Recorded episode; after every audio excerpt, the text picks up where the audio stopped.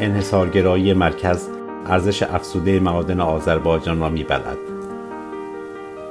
نوشته ای به قلم بهزاد جدی.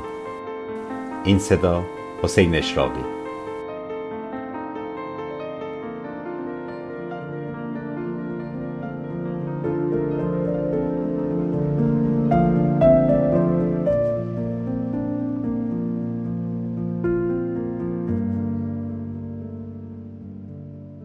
صنعت فراوری مس در ایران از معدود صنایعی می باشد که تکنولوژی تولید از مرحله استخراج سنگ معدن خام گرفته تا مرحله تولید محصول نهایی را در اختیار دارد. محصول نهایی مس که به صورت کاتود، آنود، مفتول و یا سیم و کابل به بازار عرضه می شود از چندین مرحله فراوری گذشته هر یک بر ارزش محصول قبلی افزوده و در نهایت محصول نهایی با قیمت بازار به مصرف کننده عرضه می شود. نکته که در این مورد باید مورد توجه قرار گیرد این است که سهم هر کدام از این مراحل از قیمت محصول نهایی یکسان نیست و تولید کنندگان آخرین مرحله از چرخه تولید تقریبا 90 درصد ارزش افزوده این صنعت را در انحصار خود دارند. این موضوع به خودی خود محل ایراد نیست. تنها مسئله که این موضوع را بحث برانگیز می کند انحصار صنایع پایین دست این صنعت توسط مثل کرمان و مطلوبیت این انحصار برای سیستم مرکزگرای ایران می باشد. در این نوشته به اختصار به این مسئله پرداخته خواهد شد. استخراج مس از سنجون آذربایجان از دهه 1320 هجری شمسی آغاز شد در سالهای قبل از احداث مجتمع مثل سنجون آذربایجان سیستم مرکزگرای حاکم سنگ معدن استخراج شده را بدون هیچ گونه فراوری و کاملا به طور خام به مجتمع مثل سرچشمه کرمان منتقل کرده و در آنجا به کنسانتره مس تبدیل می کرد. بنابراین درآمد این معدن به طور کلی از آذربایجان خارج می شد و وجود این معدن به جز آلودگی محیط زیست هیچ دستاوردی برای آذربایجان نداشت. اما به مرور زمان با افزایش هزینه حمل و نقل انتقال سنگ معدن خام از آذربایجان به کرمان توجیه اقتصادی خود را از دست داد. چرا که برای تولید تقریبا دو تن کنسانتره مس این سیستم مرکزگرا مجبور بود به طور میانگین 100 تن سنگ معدن استخراج شده را از آذربایجان به کرمان منتقل کند. این مسئله سیستم مرکزگرا را ناگزیر به احداث مجتمع معدن مس سنجون کرد. زیرا احداث مجتمع سنجون هزینه حمل و نقل مس از آذربایجان به کرمان را تا 98 درصد کاهش می دهد. بنابراین از روز احداث واحد تلغیز مس و تبدیل به کنسانتره به طور متوسط سالیانه 275 هزار تن کنسانتره مس از آذربایجان به کرمان منتقل شده و در آنجا به محصول نهایی کاتود، آنود و یا مفتول مس تبدیل و به بازار عرضه می شود. آمار نشان می دهد که طی هفت سال گذشته میزان کنسانتره مس تولید شده در معدن سنجون آذربایجان همواره در حدود یک سوم میزان کنسانتره تولید شده در کرمان بوده است. بنابراین طی هفت سال گذشته تقریبا 25 درصد از محصولات نهایی مس عرضه شده به بازار داخلی و خارجی از آذربایجان تأمین شده است.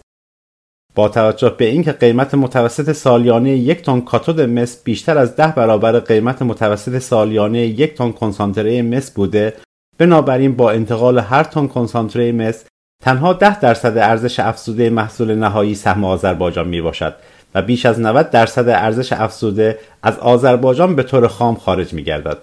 بر اساس آمار با انتقال کنسانتره مس و عدم تبدیل آن به محصول نهایی به طور میانگین صنایع مثل آذربایجان روزانه درآمد ناخالص یک میلیون و صد هزار دلار معادل 31 میلیارد و 350 میلیون تومان را به کرمان واگذار می کند. حتی با لحاظ کردن هزینه های ثابت و متغیر تبدیل کنسانتره به کاتود و سایر محصولات باز رقم قابل توجهی از آذربایجان به کرمان جاری است.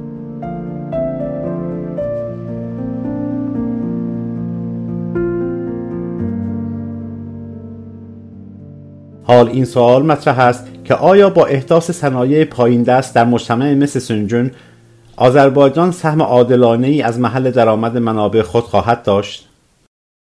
بنا به اظهارات بگی نماینده تبریز پس از پیگیری های پیاپی مسئولین و نمایندگان آذربایجانی در سالهای اخیر مسئولین شرکت ملی صنایع مصر در نهایت موافقت کردند که 2500 میلیارد تومان از نقدینگی موجود شرکت ملی مصر را به بانکهای آذربایجان منتقل کنند که تا بدین روز تنها انتقال هزار میلیارد تومان آن نهایی شده است. این رقم تنها 5 درصد درآمد معدن مس سنجون در ده سال گذشته را تشکیل می دهد. می توان گفت که حتی با احداث این واحد تبدیلی باز با وجود سیستم حاکم مرکزگرا جریان انتقال درآمد از مرکز به آذربایجان با موانع زیادی روبرو خواهد شد. همان گونه که این سیستم ایجاد صنایع پایین دستی را که موجب اشتغالزایی در منطقه خواهد شد بدون دلیل به تأخیر انداخته است. بنا به اظهارات امام جمعه ورزقان همچنین دهقانی نماینده ورزقان و بیگی نماینده تبریز طرح احداث صنایع پایین دستی هیچ گونه مشکل فنی نداشته و قرار بوده در سال 1398 به بهره برداری برسد که توسط دستان نامرئی تا بدین روز به تعویق افتاده است. در اینکه احداث صنایع پایین دست در آذربایجان با ایجاد اشتغال قسمت ناچیزی از گردش مالی را در آذربایجان نگه داشته و مانع مهاجرت نیروی کار آذربایجانی به مرکز خواهد شد شکی نیست. اما آیا نمایندگان و مسئولان آذربایجانی توانایی بازپس گرفتن سرمایه های آذربایجان و مطالبه سهمی عادلانه از تقسیمات بودجه از تهران را خواهند داشت. متاسفانه با نگاه به سابقه نمایندگان آذربایجانی در سالهای گذشته پاسخ به منفی بودن تمایل دارد.